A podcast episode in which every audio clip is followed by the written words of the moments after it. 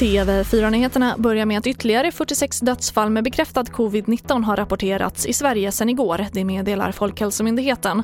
Och därmed har totalt 13 088 smittade avlidit i landet. Och Region Uppsala har begärt att krislägesavtalet aktiveras igen för viss vårdpersonal på Akademiska sjukhuset. Anledningen är den allvarliga situationen på intensivvården när antalet covidpatienter ökar.